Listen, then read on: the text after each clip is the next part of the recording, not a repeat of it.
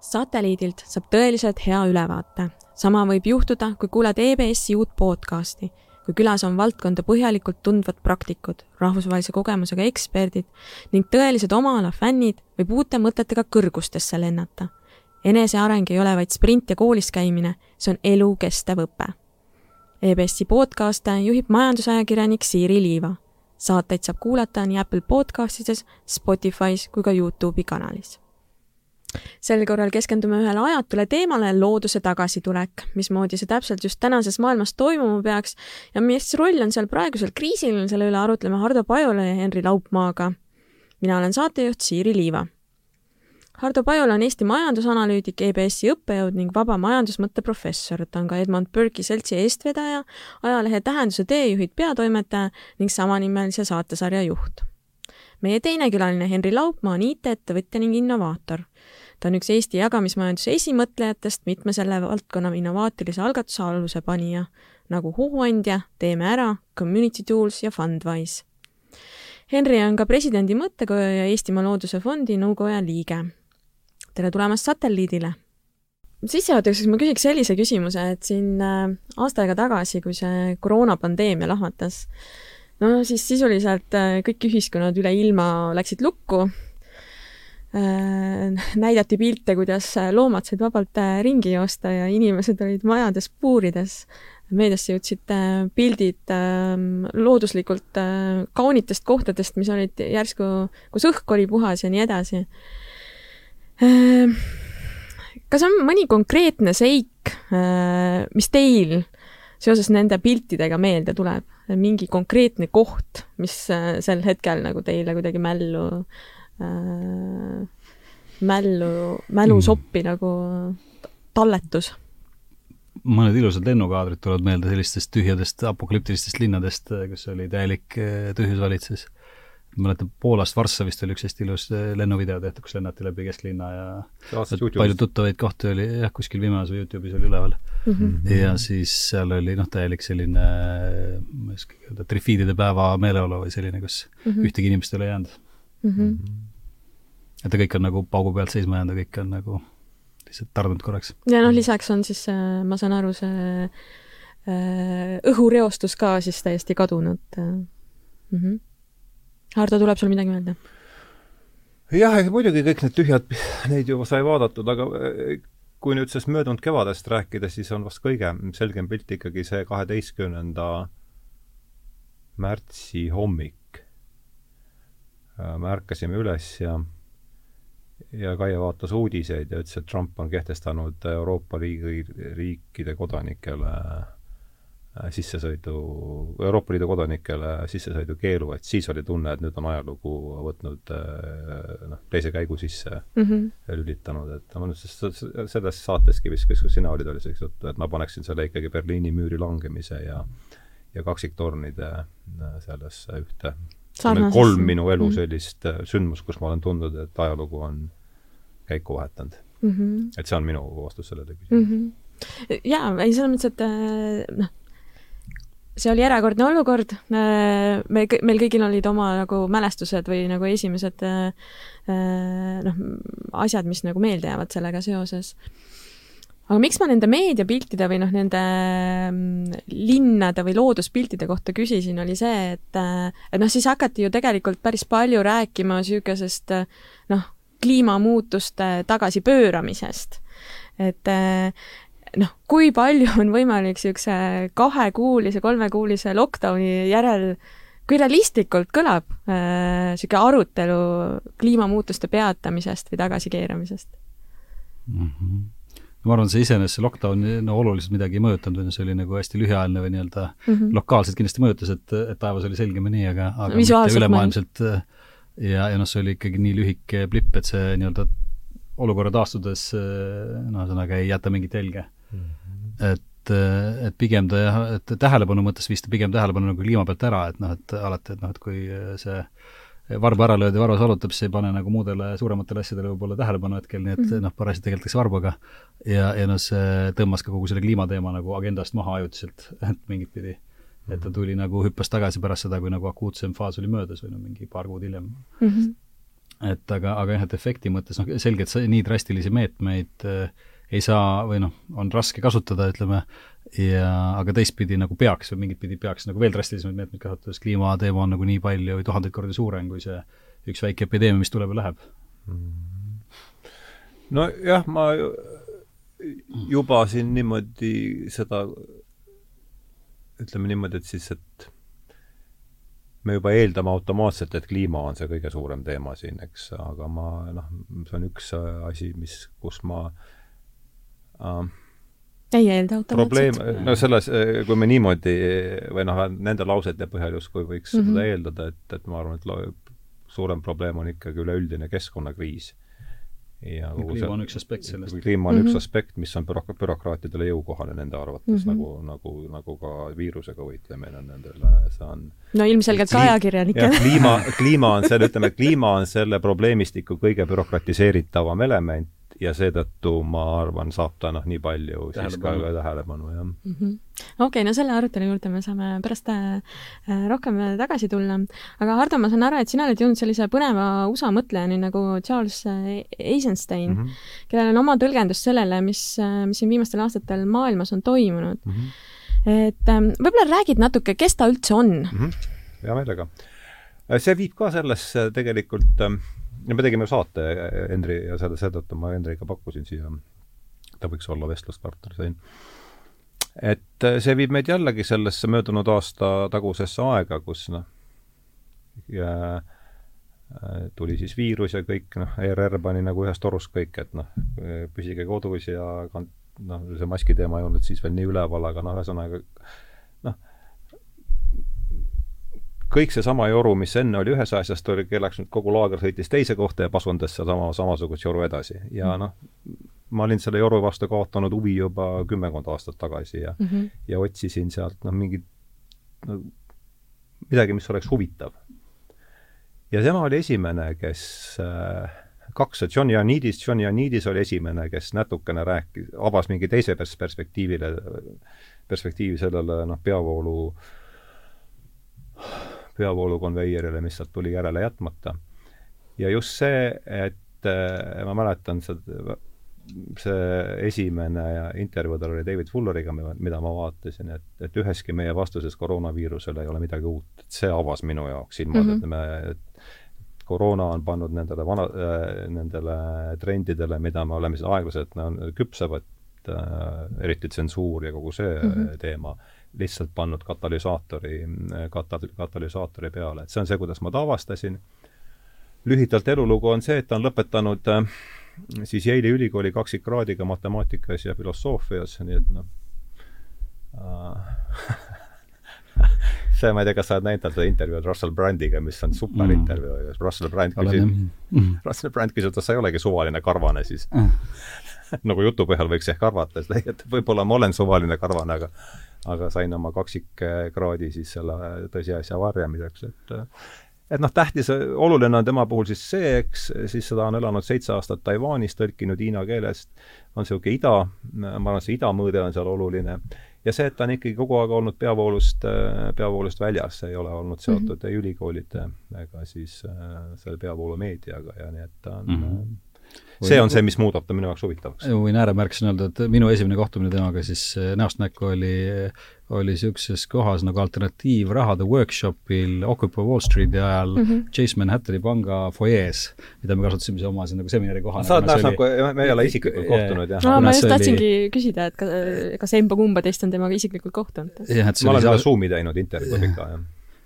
või noh, tunni ajal et, et selle, see oli siis aasta oli kaks tuhat üksteist ja, ja ma olin ühe konverentsi raames läinud New Yorki mm -hmm. sinna Connect Summiti nimelisele asjale, mis oligi huvitav asi, aga noh, see on, ei ole praegu teema et äh, ja siis seal, selle raames me tegime siis seda nii-öelda alternatiivrahade erinevate mingite kogukondlike tehnoloogiliste rahade, kaks tuhat üksteist, kaks tuhat üksteist sügis, jah mm., oktoober. ja siis me tegime selle workshopi ja siis mõtlesime, et läheme, no kuna see Occupy oli just alanud ja käis seal aktiivselt, või noh, see oli nagu nii-öelda aktiivsuse haripunkt ja sinna tuli igasuguseid põnevaid tegelasi üle maailma kokku või üle siis noh, põhiliselt Kanadast, USA-st ja et ütleme, nii palju erinevate ülikoolide tegelasi, kui seal oli väga noh, väga vähe, vähe näha.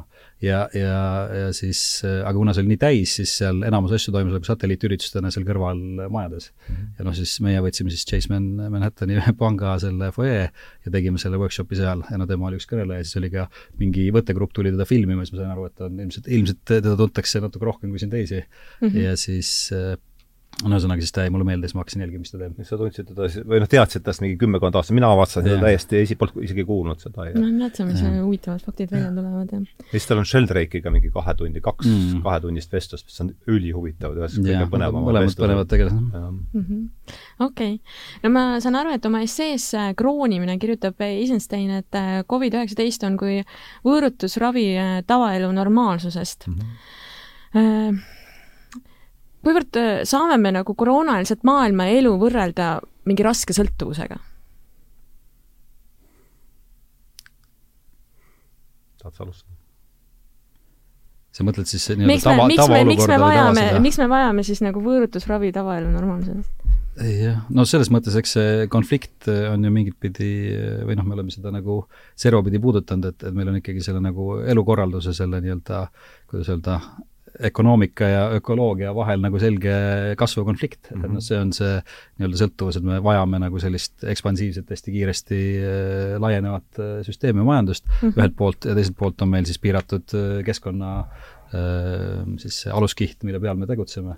ja, ja noh, need on selgelt äh, konfliktis. see Kaupo Veip on ilusti öelnud, et see on see vana see, et et mõlemad on ju pärinevad selle oikos, eks, et seal on ökonoomia, ehk siis on äh, kodu. jah, ütleme kodu majandamine, teine on siis kodu teadmine või teadmised kodust on siis mm -hmm. ökoloogia mm -hmm. oikos ja Mm -hmm. ja et ühesõnaga, et loomu-, loogiline, et, et me peaks, et teadmised kodus peaks olema aluseks selles, kuidas me seda kodu, kodus toimetame, mitte vastupidi, või no kuidagi, et me ei arvesta selle, selle ühe, ühel puhul teisega mm. -hmm. jah, ma arvan, et Henri ütles ära selle, et noh, eks see taust ja noh, veel kord, et me ei saa ju siin, see on tunniajane saade, me ei saa siin, peame paratamatult lihtsustama, eks. mida ka mina oma küsimustega teen. just, just, ja see on noh, teisiti ei saagi et, et oma poolt lihtsustada, siis et noh, ongi seesama ikkagi ökoloogiline kriis on seal see, et noh, me valitsused keskenduvad kliimale, aga me kõik näeme, eks, et noh, kas või sõites, sõites mööda maanteid juba, et siin on, täristatakse saagi korralikult mm -hmm. ja, ja, ja, ja, ja noh, kõik võimalik statistika näitab seda, et elu, eluslooduse mitmekesisuses on, ühesõnaga noh, ma, et sellise ökoloogi, ökoloogilise kriisi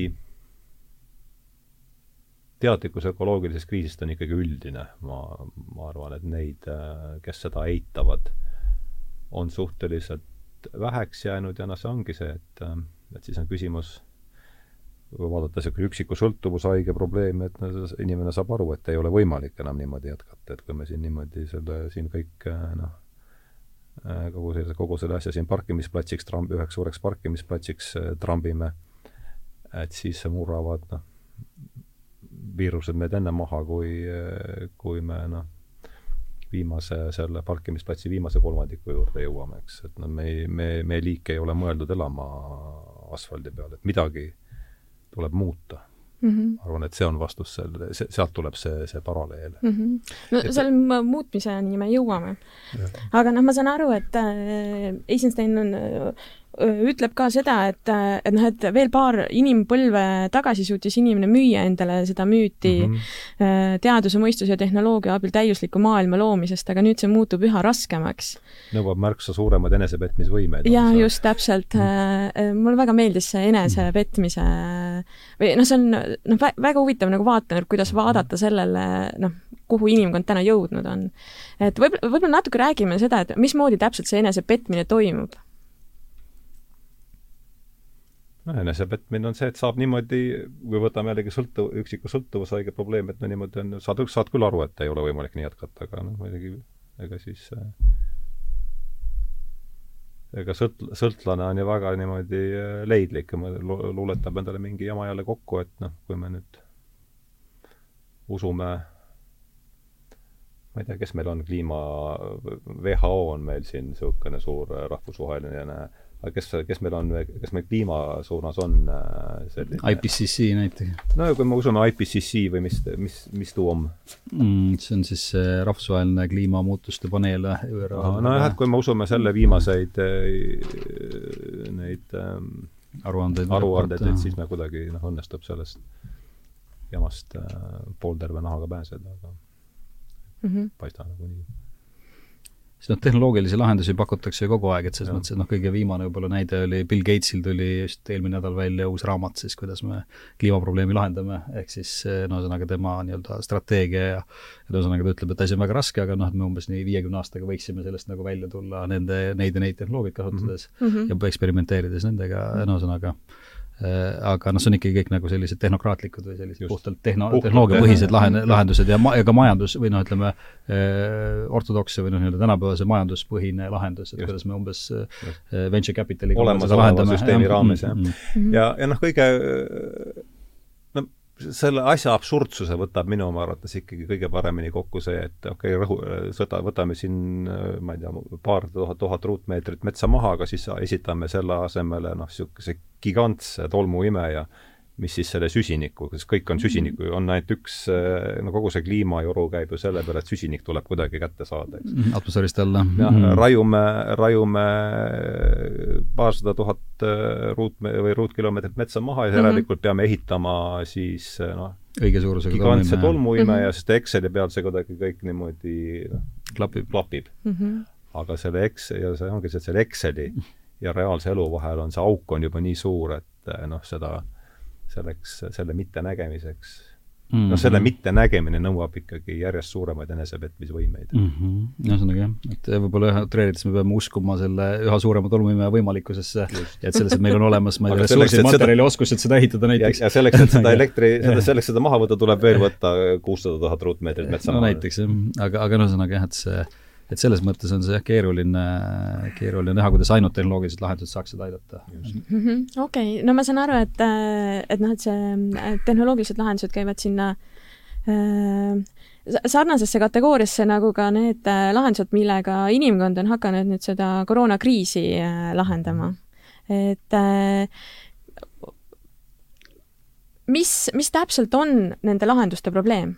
kui me võtame selle Eisensteini äh, lähenemise aluseks? põhimõtteliselt on ikkagi see probleem, et kui me nagu sama, kui me ei muuda nagu mingit filosoofilist või sellist suhtumist ja, ja, ja majanduslikku mudelit ka selle põhjal, et siis ekspansioon jätkub, ükskõik kui palju me optimiseerime või kui palju me noh, teeme, ma ei tea, rohelist energiat, et lihtsalt me kasutame rohkem energiat ja, ja siis me ei tee mitte ainult rohelist, vaid teeme ka igasugust muud äh, äh, erineva mustusastmega energiat, et äh, sõltumata sellest, et me võib-olla mingit pidi nagu suudame noh, oma jalajälge vähendada, aga siis see kasvab teiselt pool, teises kohas asemele nii-öelda, kuna me niikuinii noh, ühesõnaga selle, selle kohta on isegi mingi hea termin olemas, kas see oli efficiency fallacy või mingi no põhimõtteliselt see, et, et noh, me arvame küll, et me noh, a la, et me paneme, ma ei tea, päikseparke püsti, selle võrra toodame siis vähem põlevkivist no,. Teeme, no. aga tegelikult me teeme mõlemat ehk siis mm -hmm. noh, et meie ka, vajadused kasvavad ka piisavalt, et me ikkagi lõpuks kasutame kõik äh, energiaressursid ära mm, -hmm. kaasa arvatud äh, mingi kivisöe mm. -hmm. Mm -hmm nojah, ütleme seal, tal on äh, kroonimises väga ilus, noh, mis mind tema puhul muidugi võlub, on see, et ta valdab väga hästi sõna ja mm, -hmm. ja tast on võimalik aru saada mm. -hmm. ei ole mingit niisugust äh, bürokraatlikku pominat, vaid on mm -hmm. inimkeelne jutt mm, -hmm. mida ma arvan, selles oludes on, on väga tähtis. et seal on ähm, noh, et me ei tea, mida peale hakata, eks autoimmuunhais-, autoimmuunhaigustega, me ei tea, mida peale hakata äh, noh, depressiooni epideemiaga mm, -hmm. mis minu arvates on reaalne epideemia mm. -hmm.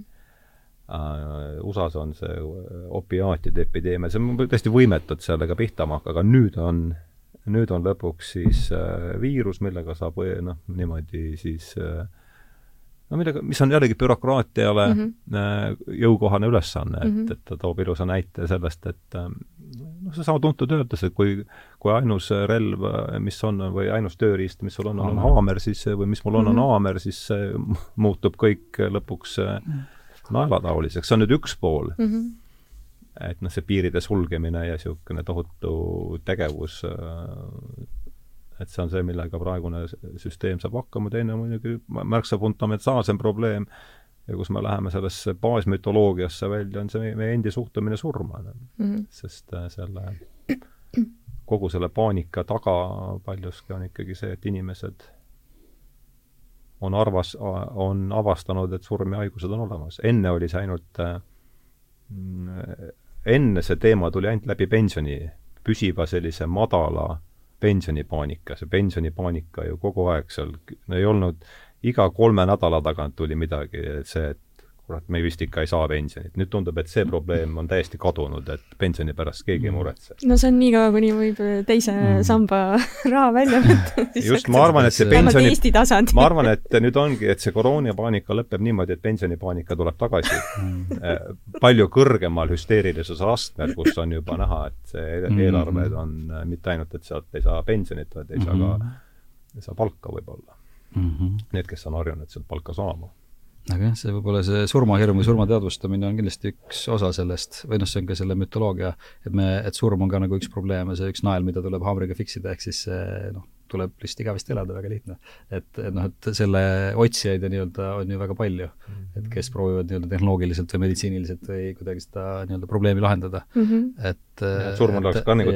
on tehtud ka tehnoloogiliseks probleemiks mm -hmm. ja aga jah et noh, see võib olla osa sellest nii-öelda meie orgaanilise olemuse eitamisest või kuidagi sellest mm -hmm, looduse, looduslikkuse eitamisest mm, -hmm. mis on osa mütoloogiast -hmm.. okei okay,, no ma saan aru, et äh, Eisensteini noh, nagu arutelu läks edasi ja noh, ta ütleski, et see ökoloogiline kriis, et äh, et see on nagu üks osa sellest, et see pigem on hoopis sügavama kriisi just, tunnus. erijuhtum, jah. just, ja ta rääkis seal siis Äh, hoopis ulatuslikumast spirituaalsest kriisist, mille põhjused on oluliselt sügaval meie, oluliselt sügavamal meie olemuses.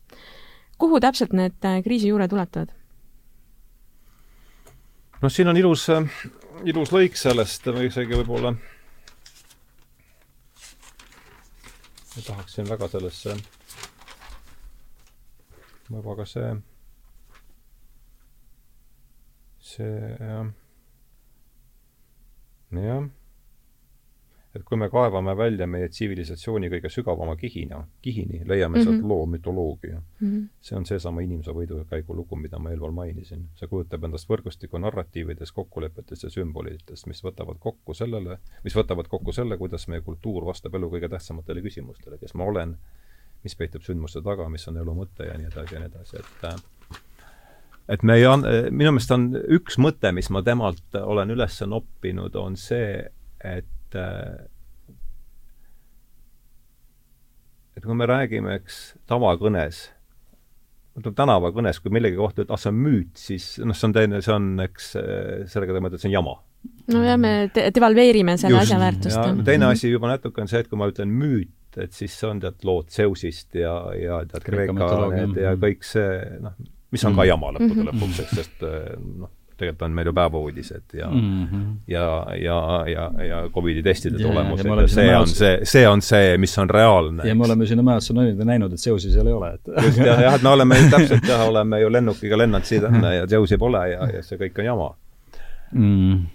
aga et see, et mütoloogia on aga tema räägib ikkagi müüdist hoopis teisest jah, et see on uh, the, inglise keeles oli see jah, et see on, on the story be-, ütleme, see on see, mille peale meie loogika alusmüüt. jah, see on alusmüüt, mille mm -hmm. peale, mille raames meie loogika äh, toimib alles selle alusmüüdi peal ja ja seda äh, kasutas, ma ka reedel salvestasin Õue vestlased oma sarjas ja Jaan Kivistik ütles ilusti, et mõistus tegeleb asjadega selle ilmutusliku ilmutusliku mm -hmm. pildi sees. ja see oli mhm. minu meelest, andis nagu see, et mm. just ikkagi raamjutustus või see raam, dogma nii-öelda, mis seal all on. just nimelt, just jah, raamjutustus, mida me ei anna mhm. endale arugi, et see on jutustus mm, -hmm. aga mis mm -hmm. noh, täpselt mis on lihtsalt mis fakt, nii maailm on. jah, mis jah, jah, mm. -hmm. mis defineerib selle, kuidas me täpselt vastame nendele noh, kuuele küsimusele, et selles mõttes on see väga hea lõik mm. -hmm. no seal need kuus küsimust, eks ole, algavad sellest, et kes ma olen. just nimelt alates äh, kuni nagu muude aspektideni meie elus välja. ja esimene vastus ongi see praegu, et ma olen see piljardipallike, kartesiaanlik, see on siis Rene Descartesi mm -hmm. prantsuse filosoofi omadussõna tema mm -hmm. nimest, et ma olen see piljardipallike, minu ja teadvus kui see üldse on olemas, osad mhm. väidavad, et see on lihtsalt arvutisumin, millel ei ole mingit tähendust, see on lihtsalt mm -hmm. kapsli, se selle kapsli sees ja kui ma suren, siis läheb kõik mustaks ja sellega on asi mm -hmm. lõppenud. noh, see on see, ütleme maailmapilt. noh, ütleme jah, see ei ole nüüd, kui see tuhande, ütleme, see on alati viiesaja aasta vanune äh, maailmapilt mm. -hmm. mis tema väidab, on kogu selle üks põhilise selle spirituaalse kriisi mm -hmm. põhjustajaid, nii nagu noh, nii mm -hmm. palju või vähe, kui ma tast aru saan.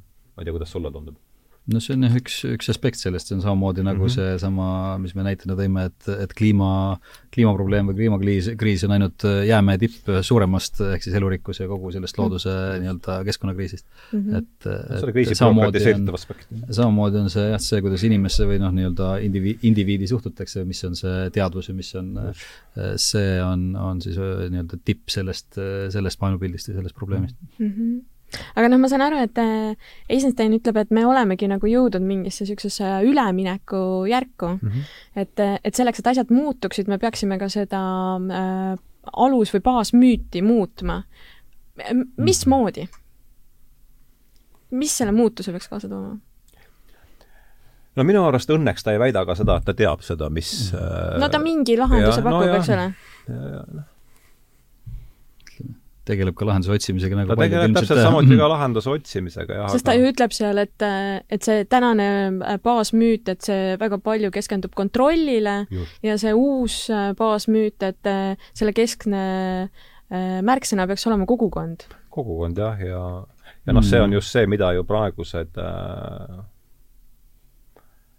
mida minu arvates praegused kriisi, äh, kriisitõrjemeetmed ju lausa minu meelest süstemaatiliselt äh, lõhuvad kogu seda kogukonna. Mm.. noh, teistpidi see võib olla ka anda vastupidise reaktsiooni, et sel hetkel, kui need meetmed lõpevad, ühesõnaga nii-öelda akuutne tervise või see epideemiakriis on möödas, et siis vastupidi, kogukonnad just aktiveeruvad, sest ikka on tundnud nii suurt nälga selle suhtlemise ja koosolemise järgi, et see nagu äh, lendab teisele, teise serva, et või teine võimalus, et praegu, ja ma olen hakanud sellele asjale ka nagu järjest positiivsemalt vaatama, et, et praegu ikkagi hakatakse jällegi rohujuure tasandilt kogu seda asja jällegi uuesti üles ehitama, täpselt, et tullakse tagasi väikestesse tullakse tagasi väikestesse sõpruskondadesse, kes saavad ikkagi omavahel kokku ja, ja, ja ja kui see on nii, et kui ütleme, see rohujuure tasandil toimub, eks ole, kapseldumine sellistesse väikestesse, et siis no ma ei näe üldse, mis see oli, see IPCC või et kus IPCC, IPCC, see hõljub kuskil kõrgel. kus nende see legitiimsus siis lõpuks, et see on juba noh, niisugune ja noh, see legitiimsus võib isegi juba praegu minu arvates. jah, noh, selles mõttes, et see noh, põhiprobleem on jah ikkagi see, et noh, need see killustumine on nii suur, et ühesõnaga needsamad, et kes mis fakte usub ja kes mingeid lugusid usub, et seda on nagu väga raske mingit üldist noh, olgu see siis UN-i või kelle iganes poolt mingit narratiivi pakkuda, ilma et see tekitaks kohe noh, väga paljus vastureaktsiooni et noh, et see on mingi mis iganes kuritahtlik soov äh, midagi, mingi, mingit äh, mis iganes ebameeldivat agendat ajada või, või noh, ühesõnaga mm. või mõttetus lihtsalt, et aga mm. et, et selles mõttes, et selle kaasatulijaid on nagu vähe, et kui keegi noh, nii-öelda ÜRO trummi taha öelge, et tehta, tehtagu või te, tehkem, et siis tegelikult väga paljud ei kuula mm. -hmm jah, no noh mm., kui seda või noh, mõtestada seda, et äh, miks see kogukond on seal Eisensteinil nagu selle alusmüüdi muutmisel nii kesksel kohal, et äh, no ma saan aru, et äh, eelmine kevad viis, kuidas nagu inimühiskond püüdis siis seda olukorda kontrollida, oli läbi sotsiaalse distantseerumise, et noh, et oligi jälle niisugune nagu eraldumisele mhm. kalduv Äh, või noh, eraldumist nagu ühelt poolt nagu soodustav, aga mm. teiselt poolt seesama, mis te enne välja tõite, et et tegelikult ju perekonnad ikkagi kuidagi leidsid äh, rohkem tee teineteise juurde, sõpruskonnad ja nii edasi, et mm., et tal tõesti oli see vastupidine mm. mõju, mis te ise nagu välja tõite no selle globaliseerumine, globaliseerumine pöördus nii, nii järsult ja ka täitsa noh, siin ütleme mm. rohujuure tasandil, et jah, sellistel äh, suurtel rahvusülestel lahendustel, milles noh, niisuguse äh, bürokraatliku maailma nägemise või no mis siiamaani on olnud sellele, mille peale on pandud, tehtud oma panused, et see see ei töötanud lihtsalt? noh, see lihtsalt, sellel on põhi ju alt mm, alt, alt läinud mm, -hmm. ma arvan. okei okay., no Hardo, ma saan aru, et äh, Eisenstein on ka üks autor, keda sa käsitled oma oluliste raamatute kursusel. see ei ole päris täpselt, see natukene, see on osaliselt õige, aga aga siin on jah, et siin on kaks raamat, tähendab, mul on ka praegu kaks kursusesarja, ma olen alates tuhande üheksa, või tuhande kahe, kahe tuhande kaheksateistkümnendast aastast olen teinud seda oluliste raamatute mm -hmm. Kursusesarja, mis nüüd on jõudnud oma kuuenda hooajani mm. -hmm.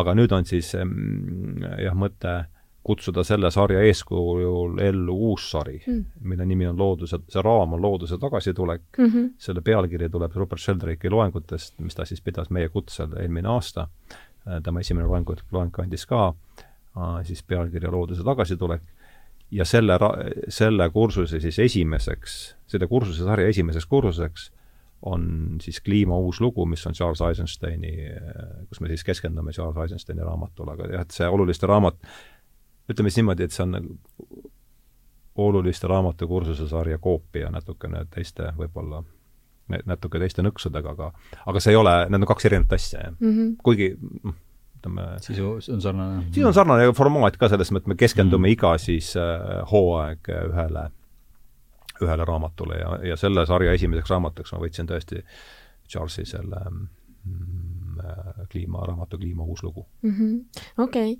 no noh, ma ütlen, minu jaoks ta oli ähm, uus ja huvitav autor mm, -hmm. et mina ei olnud varem kuulnud? ei, varem ma ei olnud temast kuulnud. ja, ja noh, ma saan aru, et, et see on ka nagu sinu nende kursusesarjade või oota, kuidas sa ise selle kohta ütlesidki ähm...? ma olen nii patran kogu aeg, et ma ei mäleta, mis ma ütlen e. e etendust etendust. nojah, jah, et et see on ka sinu eesmärk, tutvustada niisuguseid raamatuid, mida Eestis jaa, selle kogu selle kursusesarja eesmärk nüüd selle uue on, kui ütleme, olulised raamatud keskendub ikkagi laias laastus kirjandusklassikale, siis mm -hmm. see teine sari just üritab tuua neid autoreid, kellest meil pole varem, ja just see alternatiivsete elukäsitluste mm -hmm elu ja maailma käsitluste tutvustamine, uus lugu, jah. aga keda sa veel äh, lisaks siis äh, Eisensteinile plaanid seal tutvustada? sügisel, kui noh, kui see peaks saabuma no ta saabub kindlasti, mis vormis on? ma siiski ka eeldan, et äh, maa orbiidil seisma ei jää, et aga, aga, aga, aga nii palju, nii palju ma ei tea, võib-olla IP, mis seal IPCC ütleb, et see aasta ei tohi sügis no to the day, või see, aga see, selle, see tuletab mulle meelde üks ühel sellel USA ulmekirjanikul Robert Heinleinil oli, oli lugu selle kohta, kus, kus maa jäi seisma, et üheks mingiks päevaks jäi päike taevasse seisma ja kõik jäi, kõik peatus. Mina mäletan. ja mis prohvetlused siis toimuma hakkasid. noh, utoopiakirjanduses me leiame igasuguseid põnevaid maailma kus see jutt, aa, sügi-, aa, sügisel jah, on äh, plaanis äh, Jeremy Nabi uh, The Intelligence of Life on tema mm. see mm, teos, mida ma tahaks sügisel mm. käsitleda. Jeremy Nabiga oli, oli viiendas lehes. see on vist ainult Kosmiline siug tõlgitud. Eesti, eesti keeles on Kosmiline siug ja homme on meil kusjuures Alar Tammingu ja Irina Feldbachi, kes tõlkis Kosmilise siugu mm., on vestlus mm. -hmm. ja täna läks üles ka Youtube'i siis äh, selle Jeremy Nabiga tehtud tunnise intervjuu mm. tiitritega versioon, nii et ma valmistan juba seda ka ette mm. -hmm. noh, Jeremy Nabi on eesti keeles tuntum mm -hmm. sellest, et tal on tal on juba tõlgitud. jah mm -hmm. üks okay. raamat all. ja me see The Intelligence of Life, siis elu arukus, on meil ka tõlkimisel mm -hmm.. okei okay,, no kui tulla selle selle kursuse sarja pealkirja juurde, see looduse tagasitulek mm, -hmm. et ähm, kui palju te näete tänases inimühiskonnas äh, valmidust äh, muutuda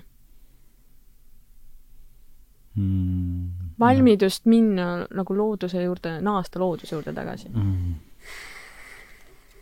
no ma arvan, et selliste kriiside käigus mingi valmidus muutuda kahtlemata tekib või noh, või arusaam vajadusest muutuda, aga, aga, aga jah, et see, kui laialt see, laialt see ühiskonnas on, on raske öelda, et ma arvan, see väga noh, nii-öelda varieerub äh, seltskonniti või kuidagi grupiti aga kuidas te olete näiteks, kui te mõtlete oma tutvusringkonna peale viimase aasta aega, noh, eks see on paljudele nagu mõjunud üsna murranguliselt, eks ole, see on meid kõiki viinud äh, oma senisest mugavustsoonist välja äh,.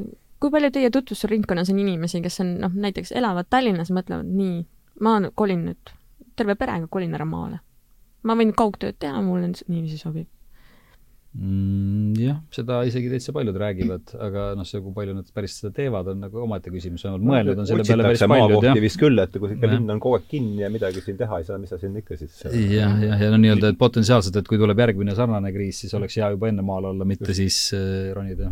linnas ollakse ikkagi siin selleks, et mitte oma kodudes istuda, vaid mm -hmm. näpud püsti käia ühest puhvetist teise, eks, ja mm, -hmm. ja, ja, ja konverentsil. no on ju, ja kui seda teha ei saa, et no mis kuradi pärast ma siin parkimisplatsil istun, eks. linna väärtus langeb oluliselt jah, et et seda küll, eks ma usun, paljud läksid eelmine kevad maale esimese asjana, kui said, et ja, ja ei no see juba mindi mm. karantiini ajal, eks no mõtlengi kevadel nagu märts-aprill. jah, just. aga no kujutage ette nüüd elu Londonis mm. -hmm. Mein Gott.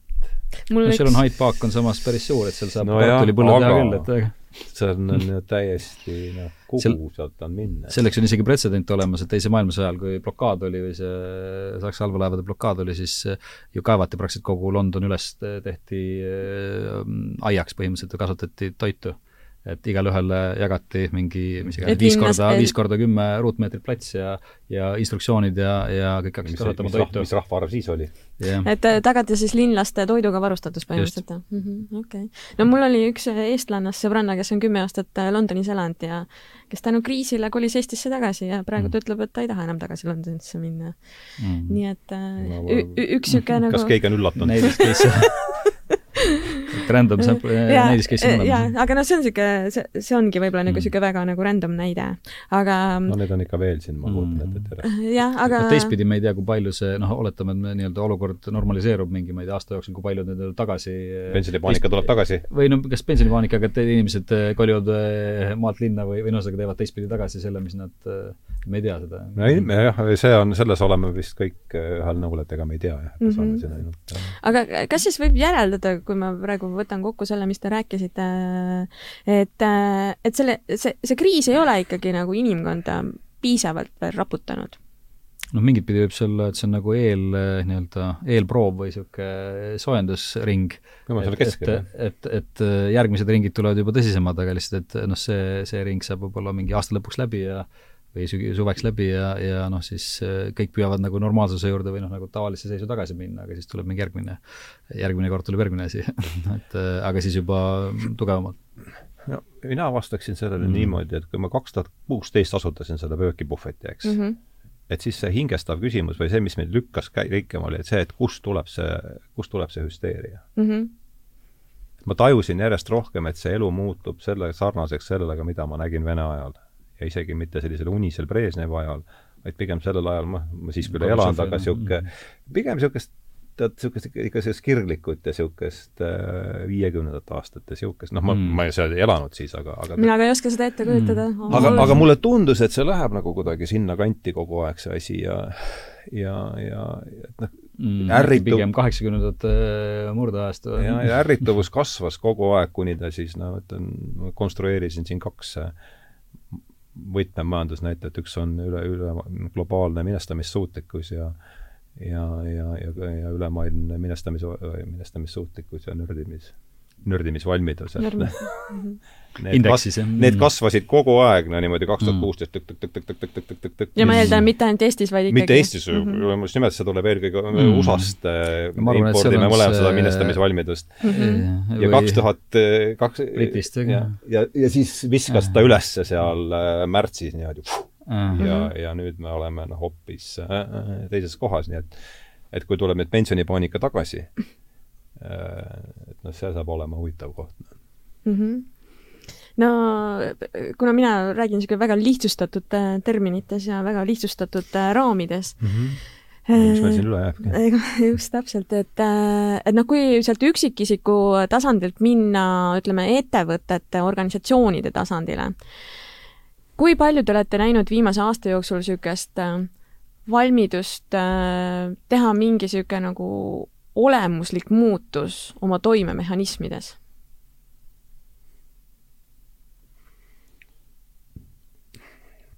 Ma tuleksin taga. sõltub ettevõttest ilmselt, et, et mingeid äh, keskkonnateemalisi muudatusi on tegelikult juba nagu päris mitu aastat näha olnud, et igasuguseid mm -hmm. aktiveerumisi on siin olnud, noh, nüüd võib-olla kõige lihtsamad või silmatorkavad näited on see Rohetiigri projekt, milles osalevad paljud suured ettevõtted ja, ja siis LHV roheprogramm, kus nad mitmeid nii-öelda rohealgatusi välja kuulutasid ja no seal mitu pensionifondi, mis no seda, seda ka jah, aga, aga no ütleme, seal oli terve rida asju, mitte ainult see.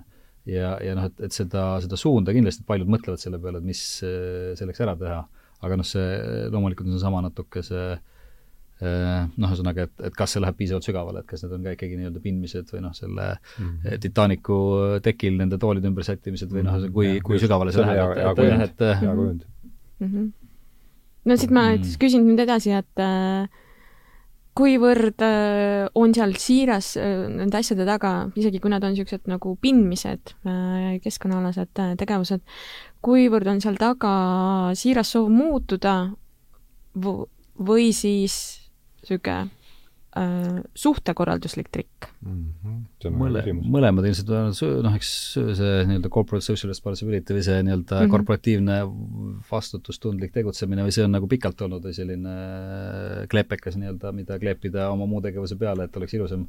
aga, aga see, et mm, ütleme, keskkonnateemadega, ma siiski arvan, et on palju inimesi, kes nagu on hingega ja selle kallal, et tahaks nagu midagi head ära teha, olulist mm -hmm. ära teha et noh, et mõtestada oma, oma olem-, olemasolu. Aga, aga selle noh, loomulikult firmade poolelt on ka suuresti see, et kui Euroopa ütleb, et ta paneb, ma ei tea, miljardi sellesse valdkonda ja no see on selge, et paljud noh, vastavad sellele, lähevad sellega, lähevad sellega kaasa.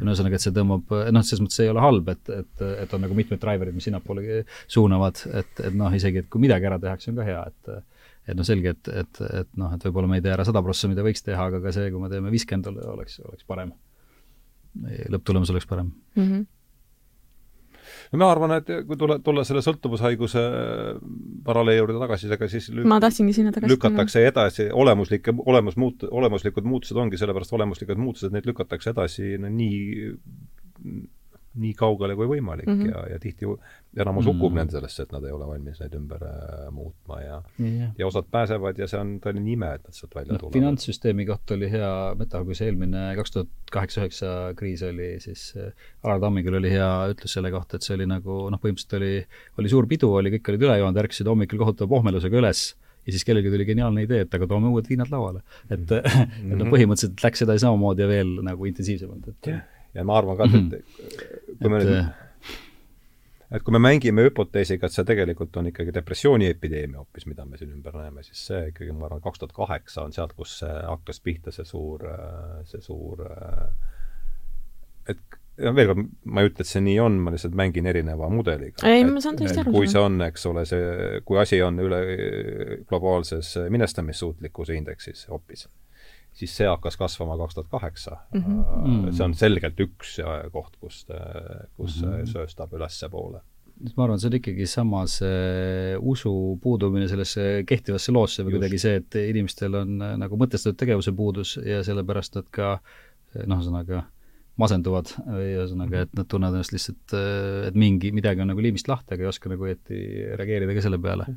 ja et noh, see oli kindlasti üks hetk, kus see nagu rohkem liimist lahti läks ütleme, niisugust lihtsama, lihtsameelsemad elanikkonnakihid, kihtides väljendub see, see poolhoiuseks lamedale maale mm, -hmm. mis sisuliselt on ikkagi jälle ka umbusaldus äh, kõigele. avaldus kõigele selle vastu, mis äh, siis sealt kantslist tuleb, eks mm. -hmm no seda umbusaldust lamedale maale ja millele iganes veel, seda, eks seda ju on selle kriisi ajal järjest rohkem mm -hmm. tunda olnud ja, ja, ja nende uskujate osakaal on ka kasvanud aga mm, kuna siin aeg on piiratud, siis äh, ma selle sisulise osa lõpetaks niisuguse küsimusega, et äh, kas loodus tuleb tagasi? loodus ei ole kuhugi läinud et me võime sellest seda aeg-ajalt ära unustada või, või püüda seda ignoreerida, nagu me võime püüda oma, ma ei tea, keha ignoreerida kuni selle hetkeni, kui midagi katki läheb, et ja siis tuleb temaga tegeleda. et sama on looduse ja inimkonnaga no Eisenstein ütles, et me nagu kasutame loodust ikkagi suht nagu ekspluatiivsel viisil, et nagu me tooraine launadada, jah. no sisuliselt küll, jah. no samamoodi me võime oma keha vaadata, et keha on see pea viis jõuda nõupidamisest nõupidamisele, et selles mõttes, et et, et loomulikult see on sageli paljud inimesed vaatavad ka suhteliselt utilitaarselt eh, oma keha ja no ütleme, üle, üle tarvitavad seda või ei mm. hoolitse selle eest. et, et selles mõttes on see sarnane ja ma haakun ka siin täiesti, mul tuleb meelde kunagi, see oli veel enne, mis, kes oli see endine Economisti peatoimetaja, kirjutas raamatu kellegagi koos God is back. jumal on mm. tagasi ja siis oligi sama, umbes samasugune küsimus oli, et, et näed, John Gray, kes on mulle mm. poliitikafilosoof, kes on minu jaoks olnud oluline, ja, ja siis, et, et noh, et teie siin väidate, et et God is back, aga John Gray tõenäoliselt ütleks siis seda, et ta pole kunagi ära läinudki, et, et noh, ma olen sama meelt Henriga, et, et mm. loodus mm., noh, ta ei olegi et me oleme osa loodusest ja see, et me siin vahepeal selle eest silmad sulgesime, noh, mhm. on on lihtsalt niisugune ajalooline kurioosum, et Ajutine, see viirus toob selle teadmise meile, meile tagasi. jah, ja selle su viimase äh, mõtte jätkuks, et äh, kunagi oli New Yorgi metroos oli see graffiti seina peal, kus oli see God is dead, Nietzsche, ja sinna alla oli täienduseks kirjutatud Nietzsche is dead, God päris hea, jah.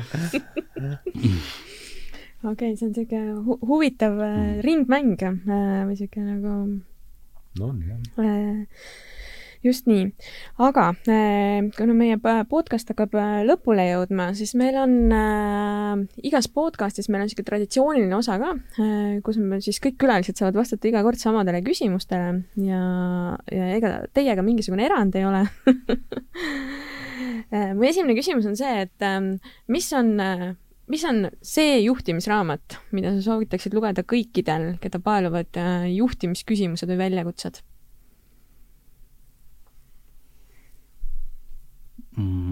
Üks, noh kindlasti neid on, on väga raske nagu ühega piirduda, aga üks, mis mulle esimesena pähe torkas, oli Karl-Erik Feibi äh, juhtimistarkus mm, -hmm. mis kunagi üheksakümnendatel vist eesti keelde tõlgiti.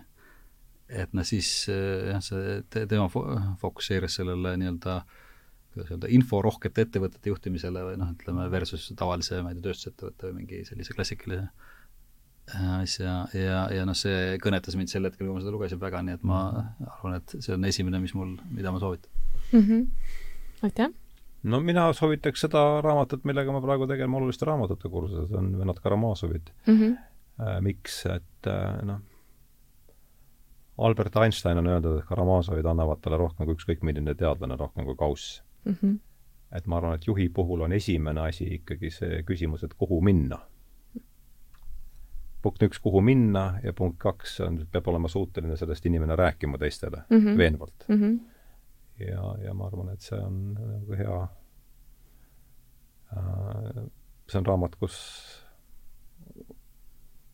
virgutab fantaasiat selleks, et mida üldse, kuhu üldse minna. kuhu on üldse võimalik kuhu minna. on üldse võimalik minna, mida mm -hmm. on mhm. võimalik teha ja ja hea klassika lugemine võimaldab ka inimesel treenida oma keelt, et ta suudaks ähm, seda teistele veenvalt äh, esitada saaks oma argumente veenvalt esitada mm. -hmm. et ma noh, ma ei, ma lihtsalt juhtimiskirjandust, kas ma üldse olen lugenud, ma ei teagi mm. -hmm. seda noh, klassikalist, klassikalist juhtimiskirjandust, need on no see, see tavaliselt on suhteliselt üle, üheülbalised ja, ja seal on kindlasti erandeid ka, aga, aga noh, kui mul on ikkagi valida äh, kirjandusklassika ja, ja, ja viimase mingi moeröögatusega juhtimiskirjandus, siis ma valin alati kirjandusklassika no hea valik, ma ütleks selle peale.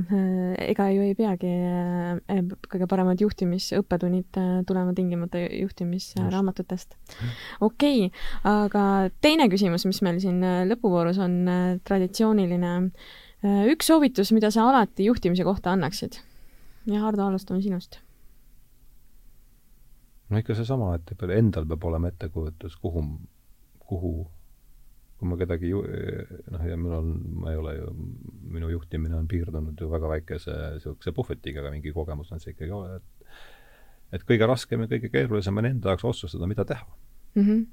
see on see esimene asi. kui mm -hmm. seda ei ole, siis noh, mis ju, noh, siis on ainult kõnnid ringi ise nõutu näoga ja teised tagantjärgi sama nõutu näoga, et see, et ikkagi noh, mingi visioon peab olema, et kuhu kuhu üldse tasub minna. ühesõnaga, suund peab selge olema? suund peab selge olema, jah mm. -hmm. Mm -hmm. sealt võib-olla veel üks samm edasi on, et, et tunne iseennast, või ühesõnaga, et kõigepealt tuleb nagu iseenda sisse vaadata, et mis see, kes sa siis oled ja mida sa oskad ja mida sa pead või mis on see oluline asi, mida teha või mis on nagu piisav. just, see on nagu oma jah, et ühesõnaga, et see mis sind ennast käivitab siis, jah? see hakkab sind ennast käivitama just, et see mm -hmm. noh, sa ei saa nagu Eh, nii-öelda mm, mitte veenvat asja küsimus enda jaoks, et kui sa iseennast ei suuda ära veenda, siis ei suuda ka teisi. et ehk siis veen-, mitte veenvat asja esitada. jah, ma ütleks jah, et see on osa, mis Henri ütles, on osa sellest, mida ma, mm. et see ma saan aru jah, et need väga mm. hästi nagu sobivad kokku, teie, teie soovitused. ja, ja viimane küsimus on niisugune nagu enesesse vaatav. et et mis on see oskus, mida sa tunned, et sa pead enda juures veel arendama mm.? mul on see kuulamisoskus minul kindlasti. on see, mida ma üritan, olen natuke paremaks muutunud selles, aga ma olen see kuul-, enda puhul kindlasti kuulamisoskus on see mm., millega peaks mina vaeva nägema mm. -hmm võib-olla oskus, mida teha ja mida mitte teha või noh, ühesõnaga, et, et noh, et äh, eriti mida suurem tiim sul on, seda rohkem noh, võivad ka teised inimesed asju teha ja, ja võib-olla sina ei ole kõige parem seda tegema, aga väga raske on sageli seda mitte ise teha, kui sa ühesõnaga mingi asja välja mõtled, tahad seda kohe tegema hakata, siis selle asemel tuleks võib-olla mõelda, et äh, võib-olla sa peaks midagi muud tegema. delegeerimisoskus siis või? delegeerimisoskus, aga noh, ega sihuke eristamine, et mis on sinu tugevused ja mida on mõtet sul teha üldse mm -hmm.. okei okay aitäh, Henri, aitäh, Hardo, äh, täna liitumast! Ja kuulajatele aitäh kuulamast, järgmise korrani! jaa, väga huvitav oli, aitäh kutsumast! see oli EBS-i podcast Satelliit. kuula meie teisi saateid nii Apple podcastidest, Spotify'st kui ka Youtube'i kanalist